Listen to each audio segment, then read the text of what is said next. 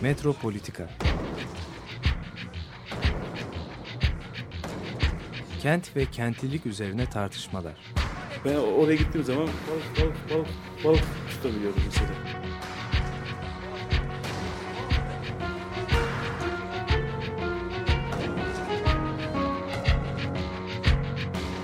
Hazırlayıp sunanlar Aysin Türkmen, Korhan Gümüş ve Murat Güvenç. Takusuyor ki. kolay kolay boşaltamadılar. Yani elektrikçiler terk etmedi Perşembe Pazarı merkezinde. Merhabalar değerli Açık Radyo dinleyicileri. Metropolitika'da bugün ben tek başımayım. Ee, sevgili Murat ve sevgili Aysim e, herhalde program e, için kulakları şu anda radyodadır. E, ama programı ben tek başıma yapacağım. E, şimdi bugün e, biz e, şeye karar verdik. Önümüzdeki tasarım bienali hakkında ilk bir program yapmaya karar verdik. Bunu herhalde daha sonraki programlarda izleyecek. E, ilginç bir e, konu. E, dördüncü İstanbul Tasarım Bienali e, bir basın toplantısıyla tanıtıldı. Bu e, İstanbul Tasarım Bienali 2018 yılının e, 22 Eylül 4 Kasım 2018 tarihleri arasında yer alacağını belirtelim. Yani şu anda yaklaşık bir sene zaman var ve bu süre içinde de e, Bienal hazırlıkları başlamış olacak. Onun için programın e, tam da e, Bienal e, şu anda sürmekte olan Bienal e, zamanında hazırlıklarının başlaması ve bir basın toplantısıyla tanıtılması e, son derece e, anlamlı oldu. Çünkü herkes Bienali konuşurken önümüzdeki tasarım Bienali'nin de teması basın toplantısıyla açıklanmış oldu. Bienalin küratörü e, e, Joe Bolen e, ve e, onun ya, e, yardımcısı, e, küratör, yardımcı küratör olarak Vera Sacchetti ve e, asistan küratör olarak da Nadine Bota görev alıyor. E, bu Bienal'in teması okullar okulu. Yani e, İstanbul Tasarım Bienali'nin e, bu e, yılki teması alternatif tasarım eğitimi alanında oynayacağı role sürdürülebilir bir eğitim yaklaşımı için deney alanı olarak nasıl kullanacağına değiniyorlar. Yani eğitime bir bakış, tasarım eğitimine, alternatif tasarım eğitimine eleştirel bir bakışı hedefliyor bu tasarım bienali. Ee, şimdi bu konuyu da eğitim alanında deneyimli bir arkadaşımla konuşmaya e, başlayacağız. E, sevgili Tansel Korkmaz, hoş geldin. Merhaba. İstanbul Bilgi Üniversitesi Mimarlık Fakültesinden. E, şimdi e, biz bu şeye e, Biennale ilk defa değiniyoruz. Zaten de basın toplantısı yeni düzenlendi ve teması e, açıklandı. E, ve okullar okulu diye bir tema. Yani şöyle e, yazılı. Okula dönmenin ve okulu baştan tasarlamanın vakti geldi mi? Yani hep biz genellikle şeyi konuşuruz hani tasarım problemleri aracılığıyla dünyaya bakarız, çevremize bakarız. Ama bu sefer Bienal tasarım aracılığıyla dünyaya bakmak yerine okulu tasarlamaya yani eğitime, kendisine, kendi bilişsel alanına bakmayı hedefliyor ki bu bana çok ilginç geliyor. Yani eğitimin sorun edilmesi e, son derece zamanı doğru seçilmiş yani yerinde özellikle bilginin e, temellerinin sorun olarak görüldüğü, hatta bilginin kenara itildiği, özellikle tasarımla ilgili bilginin e, bastırılmış olduğu bir dönemden geçiyoruz. Yani tasarımsal olanın eleştirel niteliğini kaybettiğini, iktidar e, gücünün e, altına alındığı, alınmaya çalışıldığı, böyle bir paradoksal e, şey. Yani hem tasarımın bağımsız olması e, gerekirken aynı zamanda iktidar ve piyasa güçlerinin altında yer almaya başlaması ve e, kendi bağımsızlığını yitirmeye başlaması, bunun yarattığı sorunlarla baş etmeye çalışmak için eğitime tekrar geri dönmek. Aslında ben böyle anlıyorum. Yani eğitimin niye gözden geçirilmesi gerekiyor? Aslında kökenlerine geri dönmek. Tasarım eğitimi neyi hedefliyordu? Bugün ne hale geldi? Neler oluyor? Üniversitelerde. Şey, bu çağrı hem okullara yapılıyor ilginç bir şekilde hem de öğrenicilere. Yani öğrencilere denmiyor, öğreniciler.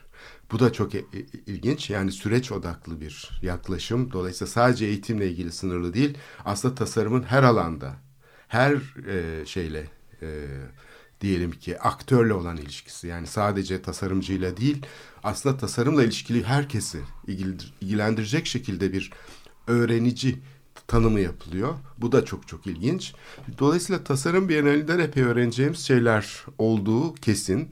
Bu süreci değerlendirmek için biz de programı Bienalin açıldığı gün yapmak yerine basın toplantısıyla temasını tanıttığı günden itibaren yapma kaygısıyla hareket ettik ve e, seni e, konuk etmiş o, olduk. Aklımıza e, sen geldin. Şimdi e, bu şeyde e, bilmiyorum eğitim konusundaki alternatifler, eğitim konusunun odağa alınmasının, tasarım eğitiminin üzerine düşürülmesinin e, yararları neler olabilir? E, bu konuda tartışacağımız epey konu var zannedersem.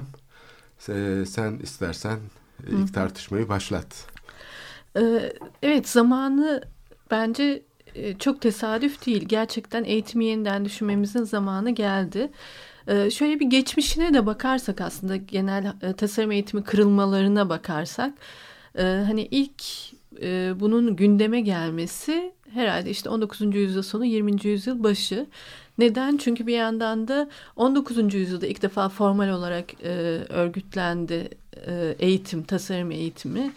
İşte Bozart, Politeknik e, gibi kurumların 19. yüzyılda e, kendini e, organize etmeye çalıştığını biliyoruz. 19. yüzyılın sonunda yani işte neden endüstrileşmeyle birlikte e, üretimde çok e, devrimci bir atılım oldu. E, zanaatla e, şey seri üretim birbirinden kopmuş oldu ama seri üretimden de seri üretimin ürünlerinden de kimse memnun değildi. E, dolayısıyla e, mesela ilk bu şeye baktığımızda 1851 uluslararası sergisine baktığımızda serginin binasıyla çok gurur duyduklarını görüyoruz ama e, şey üstünde çok yazılıyor içindeki ürünler üzerinde çünkü çok kalitesiz bu ürünler. Ee, ve orada bir kırılmadan bahsedebiliriz. Bir kısım insan yani o serginin e, organizatörü de başta olmak üzere bunun bir eğitim sorunu olduğunu düşünüyorlar. Yani aslında e, endüstri e, ürünleri iyileştirilebilir. Biz sadece şimdi bu makinenin potansiyellerini çok iyi tanımıyoruz ama iyi bir eğitimle makineyi tanıyabiliriz ve e, onun efendisi olabiliriz. Şu an onun efendisi değiliz gibi bir argüman. Ee, burada istersen bunu biraz daha açalım. Sen 1851 yani evet. Paxton'ın yapmış olduğu evet.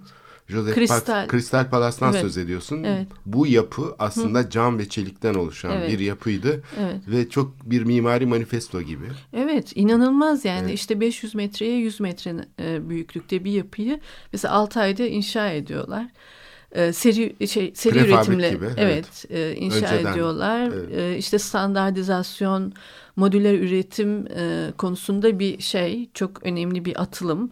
E, binanın kendisi endüstri ürünleri objesi gibi oluyor yani yerinden kopuk olmaya başlıyor falan. E, yani o binanın kendisi zaten mimarlıkta çok önemli bir kırılma yaratıyor mimarlığın düşüncesinde. Ama içine baktığımız ürün ürünlerine baktığımızda orada sergilenen ürünlere baktığımızda işte çok kalitesiz onlar. Ve... Şimdi kalitesizlik şeyini de istersen burada açalım çünkü hı hı e, aslında dizisel üretim ya da seri üretim kalitesizliği getirmiyor. Hı hı, Fakat evet. burada şöyle bir şey var. Yeni üretimi Dönemin tanımama. özellikleri, hı hı. yeni koşulları fark etmemek. Tanımama, hani Viole Leduc'un de aynı tarihlerde tabii. söz ettiği gibi. Hı hı. E, yani nasıl oluyor da tasarım hı hı. E, her dönem e, bir şey taşımışken hı. yani kendi çağının özelliklerini taşımışken 19. yüzyılın mimarisinde, tasarımında hep geçmiş dönemler, alıntılar yani bu aslında bir tür e, bu sorunun sorulmasına yol açan bir neden var karşımızda. Tabii. Zaten şöyle bir şey oluyor. Aslında ilk e, seri üretimde ne yapmaya çalışıyorlar? Zanaat ürünleri gibi üretim yapmaya çalışıyorlar.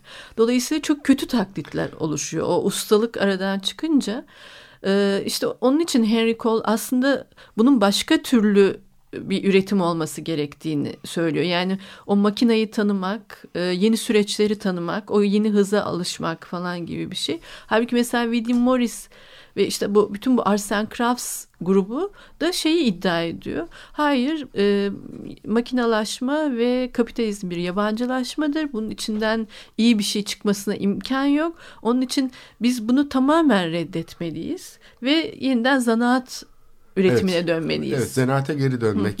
Burada çok ilginç bir paradoks var gene. Yani şimdi şey olarak herhalde buna da dokunacaksın.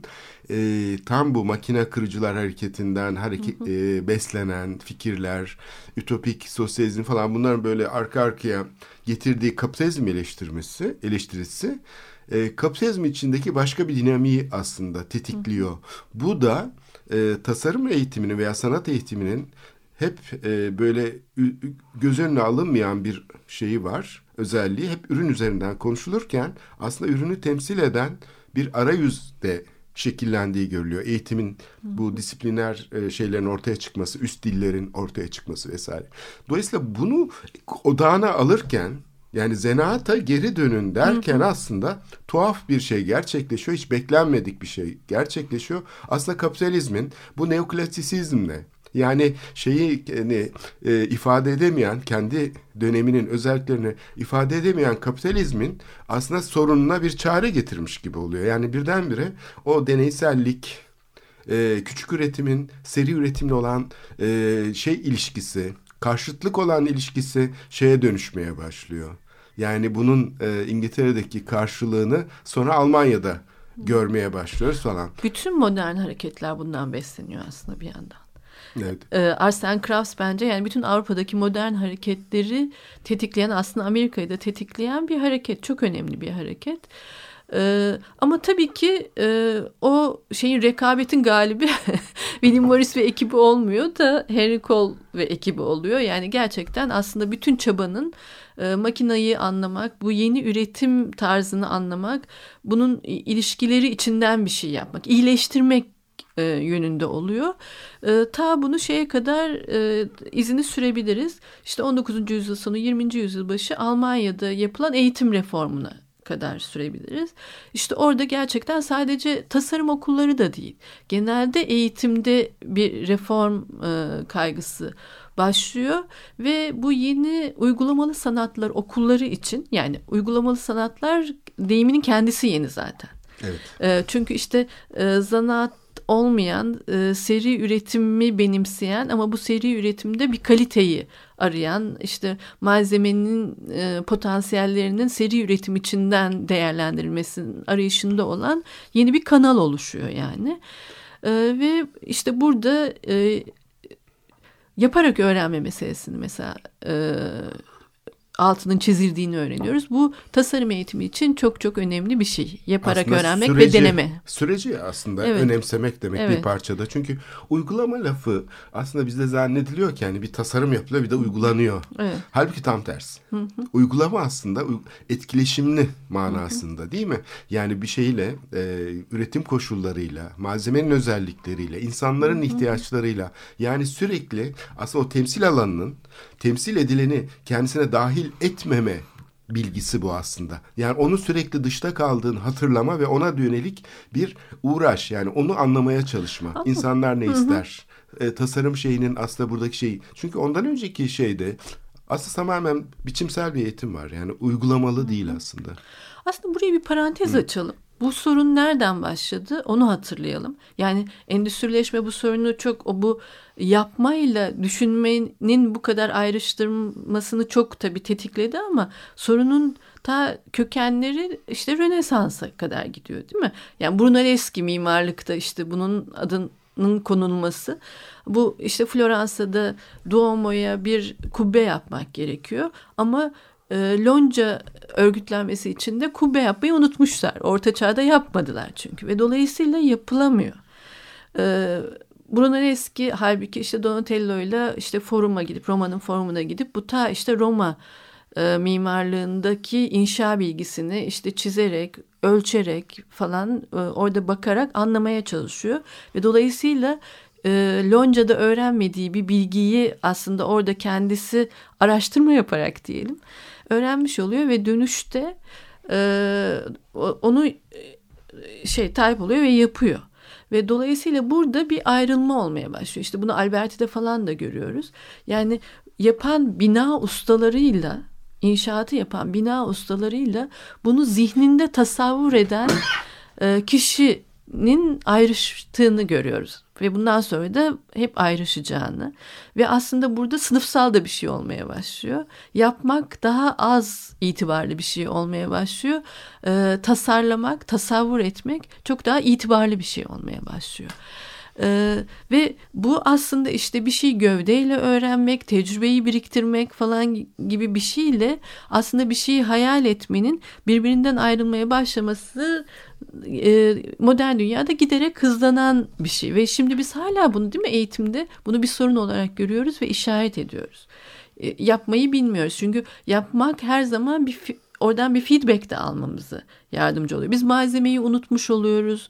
Yapmanın tekniklerini unutmuş oluyoruz.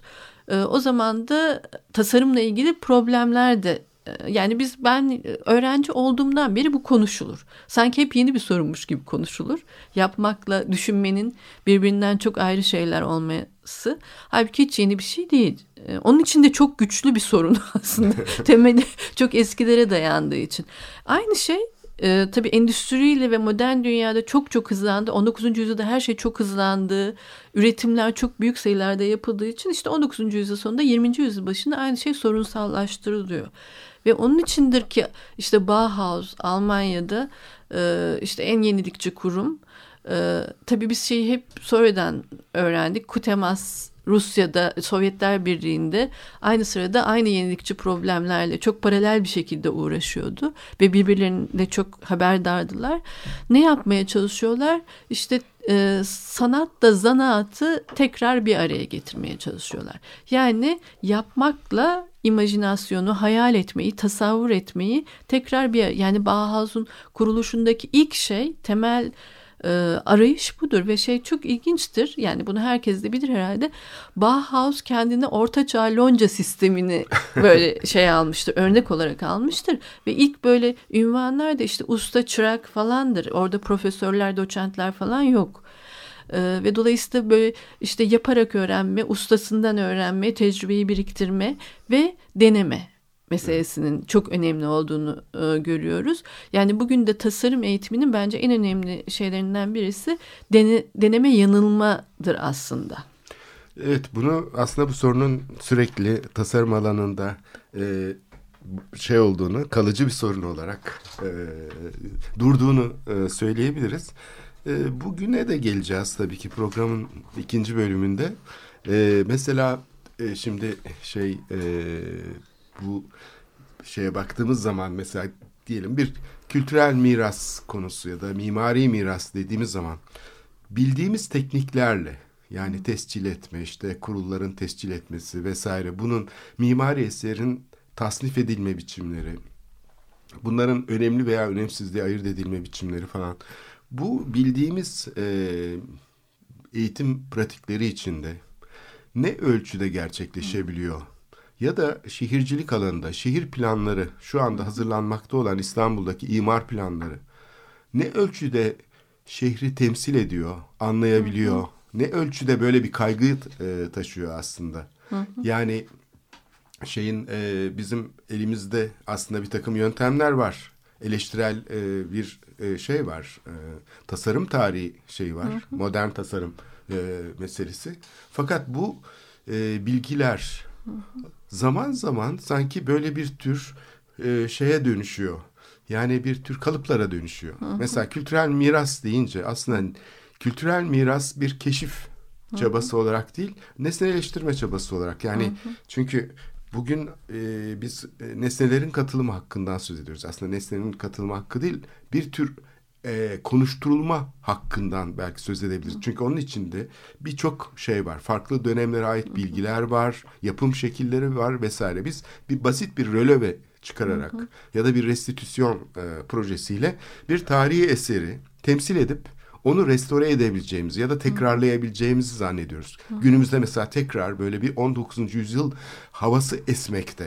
Şehir planları yapılırken şehir plancıları oturup e, hiçbir şekilde ilişki kurmadan, bağlantı kurmadan, uygulamasız diyeyim. Yani hiçbir şekilde insanlarla iletişim kurmadan şeye dönüştürüyorlar. Yani planı bir bürokratik e, gereklilik haline getiriyorlar. Aslında tasarım sürecinin kendisi bir eğitimdir. Bütün aktörleri farklı bir eşeğe taşır. Yani diyelim ki bir şehircilik planı hazırlanırken, bir yerde bir plan hazırlanırken aslında politikacılar da dahil, katılımcı bütün aktörler bulundukları durumda kalmazlar. Başka bir duruma doğru hep birlikte evrilirler. Yani uygulamalı şey aslında etkileşimlidir.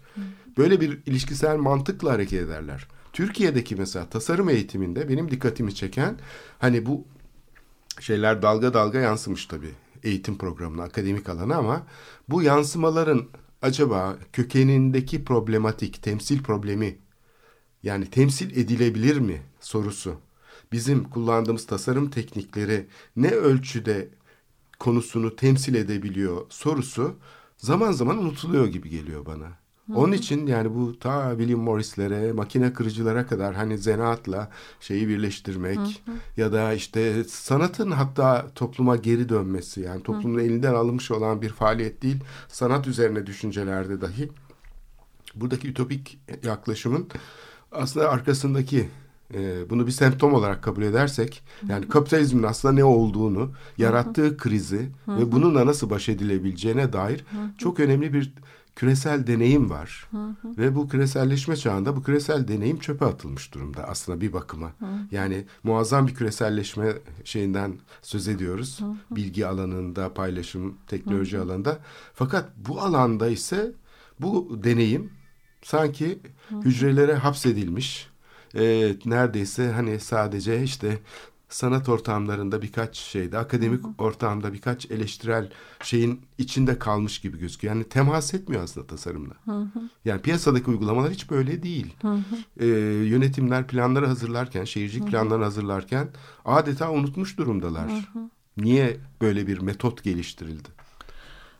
Bunu acaba şunu açıklayabilir miyiz diye düşünüyorum. Bu Zimmel'in aslında ta işte 20. yüzyılın başında yine yazdığı Metropolis and Mental Life e, Metropol ve e, Zihinsel Dünya makalesinde aslında Almancası bu böyle değil galiba da İngilizcesinin başlığı.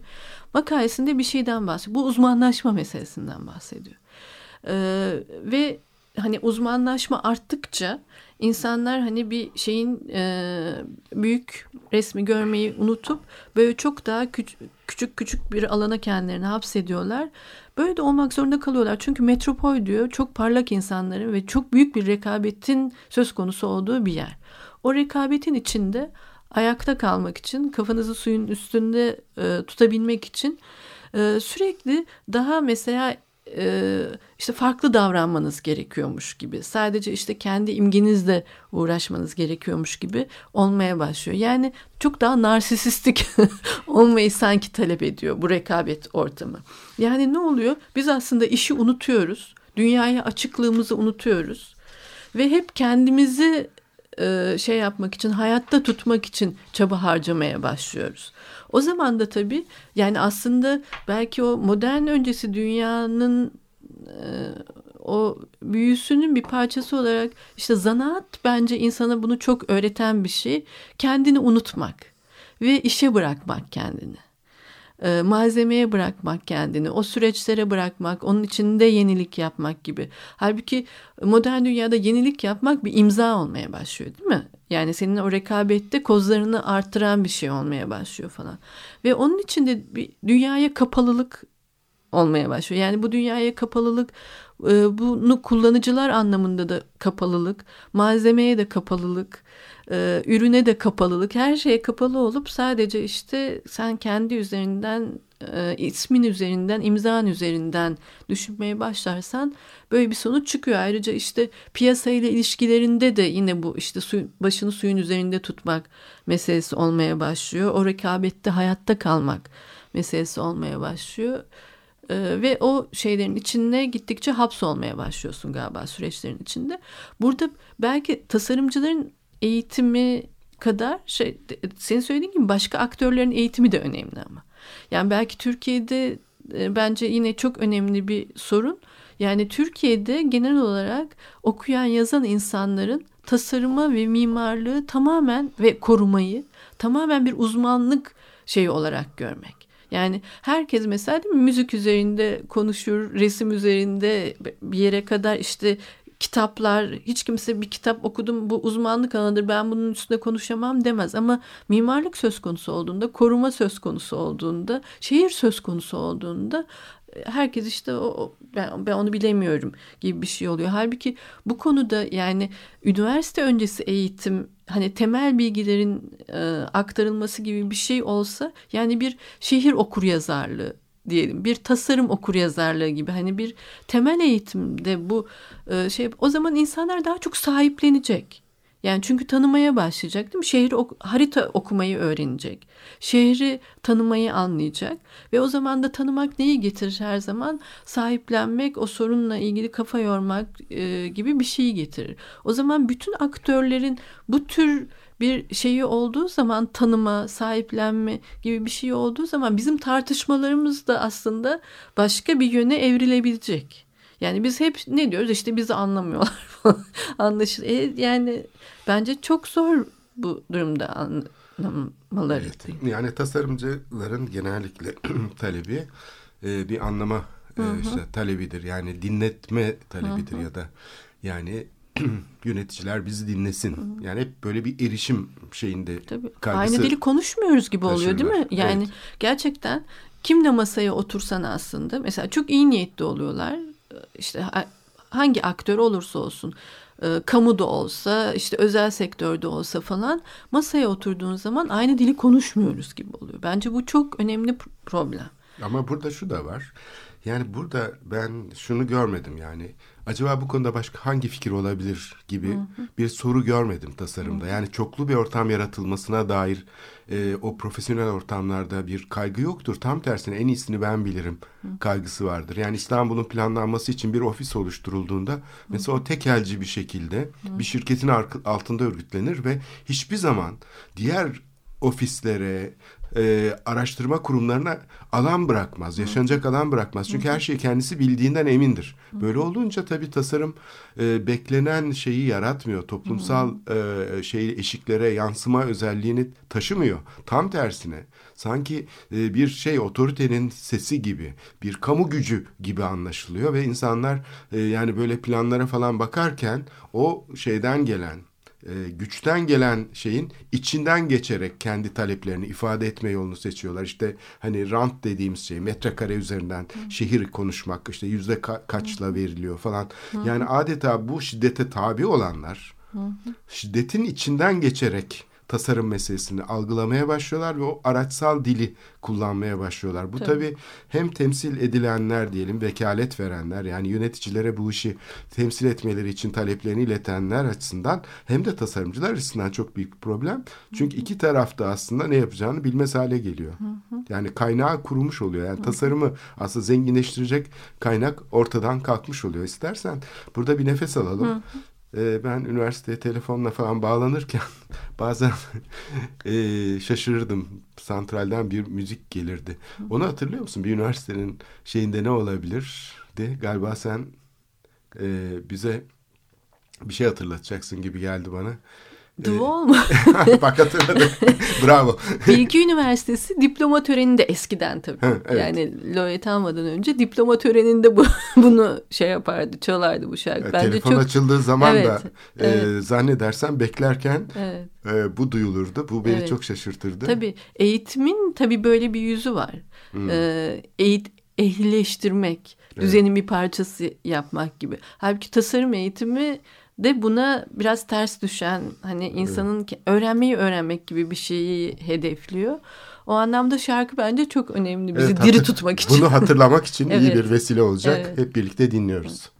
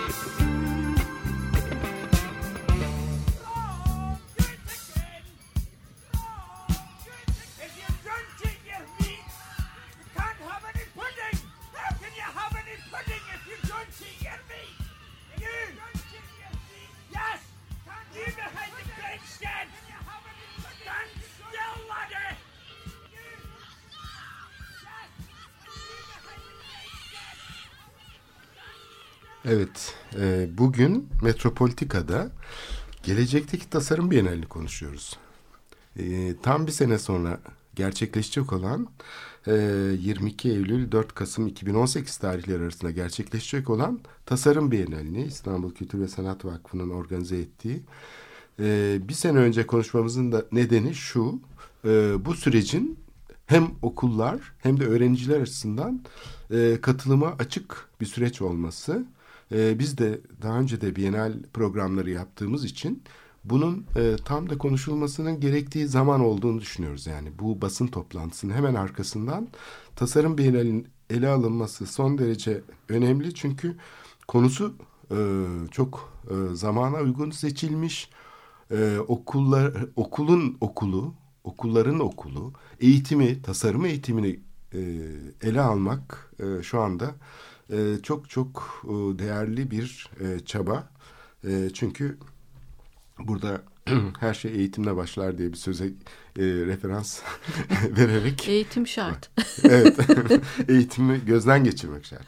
Yani eğitim şart lafı eğitimin kendi başına çok iyi bir şey olduğu anlamına geliyor. Oysa ki demin çaldığımız müzikte de görüldüğü evet. gibi eğitim aslında bir tür Tabii. o da bir seri üretim e, fabrika gibi bir şey. İnsanları Şüphesiz. bir takım kimlikler edinmeye zorlayan bir iktidar aleti, aygıtı. Tabii. Devletin ideolojik aygıtlarından biri olarak hı hı. E, şey yapalım. Ama biz eğitimin başka bir manada kullanıldığını görüyoruz. Özellikle Tabii, tasarım, eğitimi. tasarım eğitiminin e, bunu sorunsallaştıran nasıl tasarım bienali hı hı. sadece tasarım güzel tasarımları tanıtma hı hı. bienali değilse eleştirelliği öne çıkarıyorsa olmayabilecekse diyeyim her zaman öyle olmuyor ama olmayabilir hakikaten. Biz bunu yaptıktan evet. sonra sakın tasarım bienali de şey yapmasınlar.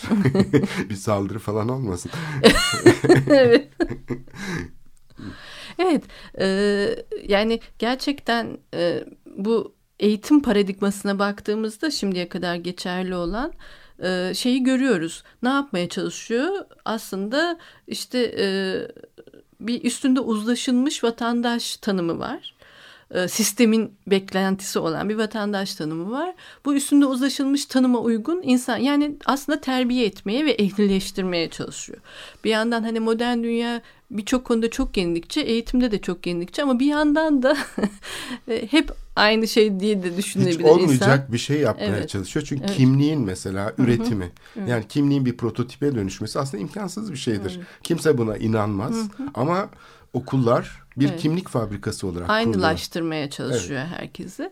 Ee, ve bu anlamda da işte 20. yüzyılın başında tasarım eğitiminde yapılan şey işte öğrenmeyi öğrenmek yaparak öğrenmek falan gibi bir şey. Yani e, herkes bilmeyebilir. Mesela bizim e, eğitimimizin merkezinde olan stüdyo eğitiminde hiç hoca grupları gelip öğrencilere bakın şimdi mesela diyelim ki opera yapıyoruz. Opera şöyle yapılır. Herkes not alsın falan gibi bir şey yoktur. Aslında öğrenci yani ilham verici örneklerden bahsedilebilir, yanlışlardan bahsedilebilir. Excursion dediğimiz işte teknik geziler yapılabilir. Ee, ve dolayısıyla öğrenci bütün bu e, kendisinden önceki tecrübeleri gördükten sonra onları bir değerlendirip kendisi kırık dökük bir şeyler yapmaya başlar ve bütün stüdyo eğitimi bunun tartışılmasıdır. Yani öğrenci kendi kendine öğrenir aslında. E, diyelim ki işte stüdyo e, atölye yürütücüsünün liderliğinde kendi kendine bunu en mükemmel haline getirmeye çalışır. Bu tabii hayat için büyük bir tecrübe. İnsan için hem çok kendine güven, yani ben her yerde yapabilirim. Çünkü işte kendi kendime bir şey yapmayı öğrendim, bu süreçleri öğrendim gibi. Bir tek ben bunun çok büyük tehlikesini şeyde görüyorum. Bu deneme yanılma meselesi bazen çok boş bir güven anlamına da geliyor. Deneme yanılma ancak yani bir kamusal ortamda yani mimarlık sonuçta şehri inşa eden e, disiplin e, ve dolayısıyla çok da kamusal e, bir şey var, sorumluluğu var. Yani kamusal derken devlet demek istemiyorum da işte bütün toplumu oluşturan e, şeyden bahsediyorum. E, bu sorumluluk ona o zaman hani e, ben hani çok bireysel böyle denemeler, e, fantazi meselesinin içine düşmeyi falan da o zaman o sınırı nereden çekeceğiz? Mesela bu çok şey, önemli. Şey, bu bir demokrasi problemi yani genellikle evet. şöyle. Bu sınır nerede duruyor meselesi? Evet, evet. Yani şu ifade edilebilir yani siz eleştirin, eleştirmeniz serbest Ama ben bunu yaparım. Ee, eğer çok da şeyseniz gene ben karar veririm. Sizin e, eleştirinizin haklı mı olup olmadığına. Bunu yani ben çok dinledim geçmişte Evet. siyasetçilerden. Evet biz demokratik bir ülkeyiz. Hani sizi dövmüyoruz, şey yapmıyoruz, eleştiriyorsunuz. E, si- haklıysanız da düzeltiriz canım yani gene Evet. ihale ederiz. gene Seçimde yaparız. söylersiniz itirazınızı. Hadi bakalım falan. Evet. Ama tasarımcılar için şöyle bir şey var. Şöyle bir şans var. Yani biz de tabii ki bu sorumlulukta ellerimiz titrer her zaman. Tecrübelerden öğrenmek. Yani tecrübeyle deney aslında bir arada. Bunun ikisinin bir arada olmadığı şey sadece tecrübeden ibaret e, bir eğitim de her zaman çok sorunlu. Sadece deneyden ibaret bir şey de çok çok sorunlu bence. Dolayısıyla o eğitim boyunca öğrenilmesi gereken şey tecrübe ve deney nasıl bir arada e, harmanlanır gibi bir şey. Yani tecrübeden nasıl öğrenebiliriz ve nasıl deney yapacak cesaretimiz olur. İkisi bir arada olmalı. Ee, Şimdi 19. yüzyılın sonu 20. yüzyılın başındaki krize benzer bir kriz yaşıyoruz değil mi? Sadece Türkiye'nin değil bütün dünyanın krizi. Evet. Artık kapitalizmin krize girdiği söyleniyor. Zaten bunun geleceği söylenmişti. Daha neşeli karşılamıştık geleceği söylen. Aa ne güzel falan. Şimdi o kadar da e, hani eğlenceli bir şey olmadığını görüyoruz kriz yaşamanın aslında. Yani sadece eğitim değil bütün alanlar eskiden yapıla geldiği gibi yapılamıyor. Evet ama yüzümüze çarpması da Evet. mutlu olmak için bir neden. Evet. Yani Buradan biz bir şey- yüzümüze çarpmıyordu çünkü Evet. yani şu da söylenebilir. Evet bu sözünü ettiğimiz hani e, şeyin kapitalizme karşı e, tasarımın e, bir şey olarak önemli bir e, savunma aracı, yaşamı savunma aracı olarak görüldüğü işte bu düşüncelerin e, şey eğitime yansımış olduğunu görüyoruz değil mi? Bir Evet. dünya savaşı sonrasında da var. İkinci Dünya Savaşı'na doğru işte bugünküne benzeyen bir süreç yaşanıyor. Yani şey e, kötü e, dışlanıyor. Yani kamu alanından dışlanıyor. Bütün bu deneysel fikirler, bütün bu kritik düşünce. Sonra İkinci Dünya Savaşı'ndan sonra liberal toplumun bir şeyi gibi, programı gibi sunuluyor tekrar dünyaya. Ama bu sefer bu ikinci sunuş biçimi ise içindeki bu o, çelişkilerden hareket eden bir sunum biçimi değil, soğuk savaşın adeta şeyi gibi. Yani komünizme karşı sanki bu sefer. Daha önce aslında komünizm bu işin içindeyken bu sefer komünist dünyaya ya da işte do- bloklaşmaya karşı sanki liberal dünyanın bir şeyiymiş gibi sunulmaya başlanıyor Evet ve ama şeyi unutma bir yandan da o 68 hareketi yani işte o üniversitede başladı. Ama ona tepki o zaten. Yani Evet. Şimdi Evet, ben evet. biraz şeydeki Evet. durumu, Türkiye'deki durumu e, kastediyorum. Yani e, akademi içinde şey gene başat unsur merkez olması onun. Yani orası aslında kural koyucu, kanonları oluşturucu bir kurum. Onun dışında nefes alacak yer yok.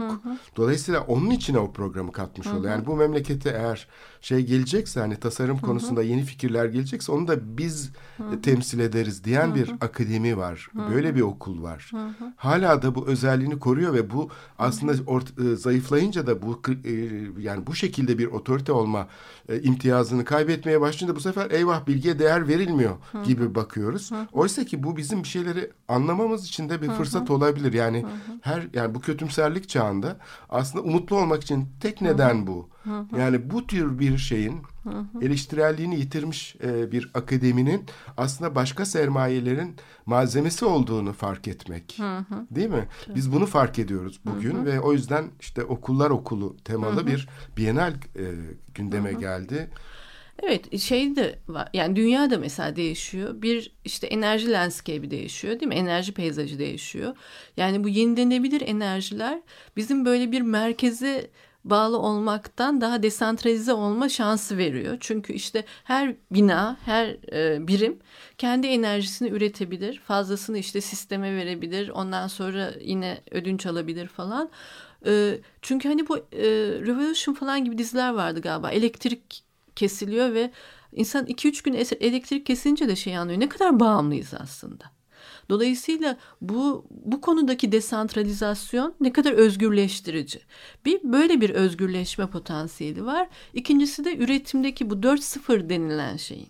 Yani işte hem açık kaynağın e, internetteki bu üretime e, şey yapacak, e, kaynak olabilecek tasarım meselelerinin internetten kolayca bulunabilmesi açık kaynaktan ve dolayısıyla ve de e, 3D printerların aslında yani e, çok da artık e, alınabilecek her eve alınabilecek e, şekilde e, satılması, ucuzlaması. O zaman ne yapabiliriz? Bir sürü şeyi biz aslında kendimiz üretebiliriz. E, internetten e, şey yaparak, rehberlik alarak. Bu ne yapmaya başlıyor? Bir varoluşsal fark yaratıyor bir kere. E, biz aslında tüketimle niye bu kadar tüketime bağlıyız? İçimizdeki bir boşluğu da biraz doldurmaya çalışıyoruz şeylerle. Ee, ama dolmuyor bir türlü falan. Halbuki insanın üretim yapması ve bunun üstünde değişiklik yapabilmesi falan yaratıcı tarafını ortaya çıkarıyor. Ve daha üretici olmaya başladığınızda aslında başka bir varoluşsal durum ortaya çıkıyor. Hem e, şeye e, sisteme sistemden bağımsızlaşmaya başlıyorsunuz. Hem de hayatınızı doldurmak için sürekli alışveriş yapmaya, şeylere o kadar ihtiyacınız olmamaya başlıyor. Daha üretimle, yaratıcılıkla hayatınızı doldurmaya başlıyorsunuz. Şimdi bu bu kadar e, desantralize olduğunda, birey bu kadar güçlendiğinde ama bir yandan bir şey daha olmaya başladığını görüyoruz değil mi? Bunun tohumlarını görüyoruz. Kolektivite de çok güçlenmeye başlıyor. İşte bu mesela e, bu şey yeni fonlama şeyleri falan gibi. O Teknikleri. zaman evet yani hem kolektivite hem ya da işte ne bileyim e, araba havuzları hani herkesin araba almayıp bu ortak olarak kullanma meseleleri veya işte e, şey gibi e, bir işe girmiyorsun ama becerilerini bir havuza atıyorsun falan gibi şeyler. Yani bunlar yeni sistem olacak demek istemiyorum ama yeni arayışın bu kolektivite yönünde olduğuna dair bir umut veriyor bize. Yani zaten bence bunun ikisinin bir arada olması tesadüf değil. Yani bireyin güçlenmesi her zaman kolektivitenin güçlenmesi anlamına gelebilir. Ee, ve o zaman tabii ki bunun içinde o zaman eğitimi bambaşka bir şekilde düşünmeliyiz. Yani bu formal eğitimin en temelinden sarsılacağını bununla birlikte düşünüyorum. Yani çünkü bu formal eğitim gitgide her zaman rekabet üstüne yani başkalarından başarılı olmalısın. Bunun için her şeyi feda etmeye hazır olmalısın. Mesajının tamamen çözüleceğini varsayabiliriz burada. Ve daha hani eğitimin hayat boyu süreceğini ve daha enformal şekilde e, örgütlenebileceğini düşünebiliriz. Mesela Finlandiya'daki buna dair bir şey olabilir değil mi? Yani ben aslında hani çok ona gönülden bağlı değilim. Ona da çok eleştirilerim var. Şimdi girmeyelim ama hani formal eğitim gerçekten dersleri bitirdiler. Yani bir problem etrafında örgütlensin ve e, şey bilgi şeylerinde, öbeklerinde o problem üzerinden öğrensinler. Çünkü o adrenalinle o zaman çok daha farklı şekilde öğreniyorsun ve inisiyatif alıyorsun gibi. Dolayısıyla artık 21. yüzyılın başında veya işte ortasına ilerledikçe bu e, formal eğitimin çözülüp bunun yerine daha enformal eğitim ve bireyi güçlendiren ve aynı zamanda kolektiviteyi güçlendiren kişilerin bir inisiyatif alarak bunu e, organize ettiği daha sivil falan e, inisiyatiflerin oluştuğu bir eğitim ortamı olabileceğini düşünebiliriz gibi geliyor bana. Evet bilginin yani bir asimetrik e, düzen içinde yani kapitalist düzen içinde üretiminin kendi içinde aslında insani olmadığını Evet. söyleyebiliriz. Bu baştan beri zaten ortadaki Dışlayıcı. problem. Dışlayıcı bir şey. E, şiddet üretici bir şey ve dünyanın e, bu temeller üzerine kurulamayacağı. Yani kapitalizmin aslında yarattığı bir sorun. Yani bu kapitalizmin doğrudan doğruya kendi cerrahisinin e, ele alınması demek. Kapitalizmi sadece basitçe bir baskı, çıkar e, değil aslında doğrudan doğruya bir bilgi üretme biçimi olduğunu, bir rejim olduğunu düşünürsek bugün tabii bu e, şeyin bir taraftan dikişlerinin attığını görüyoruz. E, otoriterleşme ile de e, yani aslında gözden geçirilmesi gereken bir süreç var. Çünkü Tabii. tasarım eğitimi aslında bir tür imtiyaz elde etme eğitimi gibiydi. Yani Tabii. mimarlık mesela diyelim işte Taksim'deki kışla projesini yapan mimarın başka bir fikir olabilir mi bu süreçte diye düşündüğünü hiç zannetmiyorum. Acaba daha farklı bir fikir ortaya çıkabilir tam tersine. Kendi fikrini o, o şekilde dayatıyor ki kamu gücünü arkasına alarak adeta bir şiddet var burada. Yani e, buna bir tasarım diyebilir miyiz mesela? Hı, tabii. Yani iktidarla bu mimar ilişkisinde e, bir şey var sanki. Hep sürekli bu sözünü etmiş olduğun e, yenilikleri Tabii. şey yapan, imha eden, Tabii. felç etmeye çalışan böyle bir tür zehirleme süreci var. Tabii bütün Nasıl? bu e, kentle ilgili sorunlar aslında e, yani bence 2000'lerden sonra mimarlık kent ilişkisini e, yeniden düşünmemizi şart yani kentin içinden düşünmeliyiz mimarlığı. Bir parsel mimarlığı devri kesinlikle geride kalmıştır. Yani bu, bu kadar büyük büyük parçalar halinde dönüşen şehirde mimarlar aslında hem eğitimlerini hem de praksislerini yeniden organize etmek zorundalar. Yoksa çok büyük zarar vermiş oluyorlar aslında. Yani norm koyucuların uyguladığı şiddet aslında fraksiyonlaşmaya yol açıyor. Evet. Aynı bölgede farklı kamu otoritelerinin birbirleriyle şey halde işlediğini görüyoruz. Yani sanki rakipleşmiş gibi. Oysa ki e, işbirliğine Sistem. dönük bir şey ilişki kurması gerekir tasarım alanının. Yani bir meydana baktığımız zaman bile altyapıyı yapanla, kaplamayı yapanla, işte oranın fonksiyonlarını yönetecek olan kurumlar arasında nasıl bir ilişkisizlik olduğunu ve her birinin kendi aslında şeylerini e, tekelleşme özelliklerini gösterdiğini görüyoruz. Yani tasarımın kritik bir şekilde gerçekleşmediğini görüyoruz. Yani bir Tabii. Karaköy meydanına dahi baksak anlaşılıyor. Şehir yani. Evet bir de şunu da unutmayalım. Mesela işte hani bu zorlu falan çok tartışıldı ya. O zorlunun olduğu arazide e, o, o tür metrekarelerle falan uğraşmayı kabul ettikten sonra bunu çözecek tasarım yok. Tasarım bir şıklık değildir yani. Evet, ondan sonrası değildir. Evet. Yani ne, ne öncesi- şıklık yapsanız kurtarmaz yani ondan sonrası. Evet aslında öncesinde belirlenmiş olarak karşımıza çıkıyor birçok konu. Biz bunları sonuçlar üzerinden konuşmak durumunda kalıyoruz. Kabataş'taki martı gibi falan. Aslında süreçleri gündeme almak için eğitimin de aslında okulla sınırlı olmadığını düşünürsek Tabii. her problem aslında bir eğitim sürecidir. Her konumuz bir eğitim konusudur. Eğitimin de okulların duvarlarından dışarı çıkması Evet.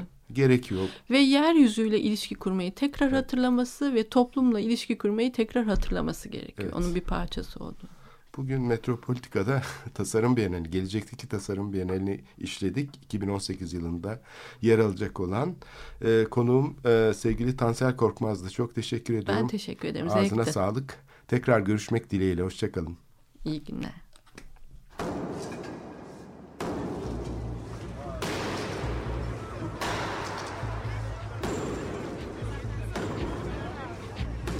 Metropolitika Kent ve kentlilik üzerine tartışmalar. Ben oraya gittiğim zaman balık balık balık balık tutabiliyorum mesela.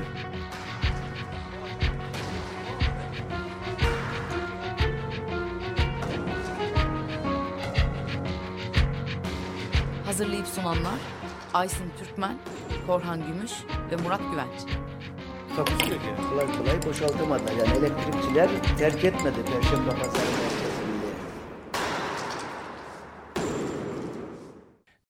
Açık Radyo program destekçisi olun. Bir veya daha fazla programa destek olmak için 212 alan koduyla 343 41 41.